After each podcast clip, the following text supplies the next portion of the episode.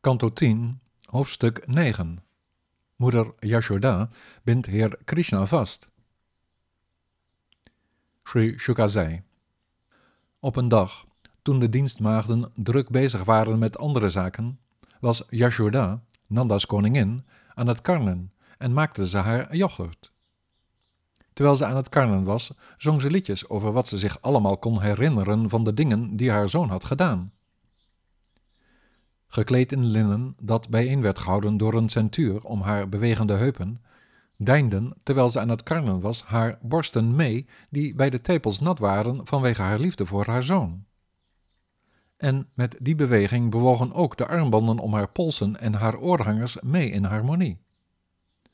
Ondertussen liep het zweet vanwege het karwei van het trekken aan het touw van de karnstok van haar gezicht en viel het naar beneden samen met de jasmijnbloemen in haar haar.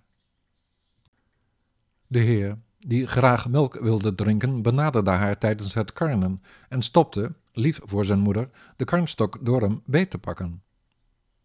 Zij liet hem liefdevol op haar schoot drinken van haar van liefde overlopende borsten en keek met een glimlach toe hoe gelukkig hij was.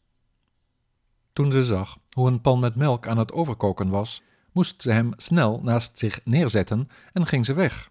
Maar hij was nog niet voldaan. Boos geworden, brak hij, bijtend op zijn volle rode lippen en met waterlanders, met een steen de pot waarin de boter werd gekarnd en begon hij, aan het zicht onttrokken in een zijkamertje, te eten van wat er allemaal was gekarnd. De gopi redde de kokend hete melk van het fornuis en keerde naar haar werkplek terug, waar ze de karnpot gebroken aantrof. Haar kind er niet ziend, kwam ze met een glimlach tot de conclusie dat hij het moest hebben gedaan. Staande op een stampvat dat hij had omgekeerd, deelde hij, schichtig om zich heen kijkend, vanuit een neerhangende voorraadpot naar believen, een deel van het melklekkers uit aan een aap. Van achteren deze activiteiten gadeslaand, naderde ze haar zoontje stapje voor stapje. Toen hij haar zag naderen met een stok in haar hand, klom hij snel naar beneden en ging hij er vandoor, alsof hij bang was, met de gopi achter zich aan. Hij, die zelfs niet kon worden bereikt door de grootste yogis, die boetvaardig in hun meditatie toegang tot hem proberen te krijgen. Hoewel de hem snel nazittende moeder, met de bloemen vallend uit haar haar en met haar zware borsten bij haar slanke middel, vaart moest minderen, slaagde ze er uiteindelijk toch in hem te pakken te krijgen de deugniet bij zijn hand grijpend, wees ze hem terecht met een dreigende houding en zag hem toen met angstige oogjes schuldbewust huilen en met zijn handjes zijn ogenzwart helemaal over zijn gezichtje uitsmeren. Haar zoon welgezind, zich rekenschap gevend van zijn angst, gooide ze de stok aan de kant en wilde ze hem met een touw vastbinden. Maar ze had er geen idee van met wat voor macht ze te maken had.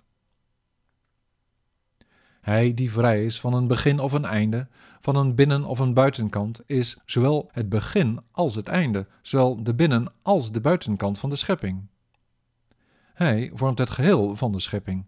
En hij, de ongemanifesteerde, de ongeziene in de gedaante van een sterfelijk wezen, werd door de gopi voor haar zoontje gehouden en vastgebonden aan een stampvat, zoals men dat met een normaal kind doet. Toen het touw dat ze gebruikte om haar ondeugende kind vast te binden een paar centimeter te kort uitviel, knoopte de gopi er een ander touw aan vast. Maar met zelfs dat tekort uitvallend, probeerde ze het met een ander touw dat met knopen en knopen wederom een paar centimeter te kort ook niet voldeed om hem te binden. Yashoda ging zo verder met al het touw dat er in huis was, maar daarin mislukkend moest ze vol verwondering lachen samen met al de gopis die deelden in de pret. Zijn moeder zien zwetend en moe worden, met al de bloemen vallend uit haar losgeraakte haar, was Krishna zo genadig haar toe te staan dat ze hem vastbond. Mijn beste, hiermee liet de Heer in feite zien hoe hij, Krishna, ondanks dat hij het hele universum met al zijn halfgoden beheerst, wordt beheerst door de dienaar van zijn eigen gezag. Nog Heer Brahma, nog Heer Shiva, nog de godin van het geluk, ook al verkeert ze aan zijn zijde, ontving van de schenker van de uiteindelijke bevrijding de genade die de gopi kreeg. Degenen die er een lichamelijk begrip van het leven op nahouden, de karmis, zoals de Gyanis, de boekenwormen, de transcendentalisten, en zij die enkel op de ziel uit zijn, de escapisten, de impersonalisten, kunnen de Allerhoogste Heer, de zoon van de Gopi die bevrijding geeft, niet zo makkelijk voor zich winnen als degenen die van de bhakti overtuigd zijn, ofwel van toegewijde dienst zijn. Terwijl zijn moeder zeer druk in de weer was met haar huishouding, zag heer Krishna, die was vastgebonden aan het stampvat, buiten twee Arjuna-bomen staan die halfgoden waren geweest, Goyaka's. Ze waren ooit de zonen van hem die de wilde schenkt, Kuvera. Ze stonden destijds bekend als de zeer welvarende Nala Kuvara en Manigriva, maar ze waren vanwege hun inbeelding door Narada vervloekt dat ze zouden veranderen in bomen.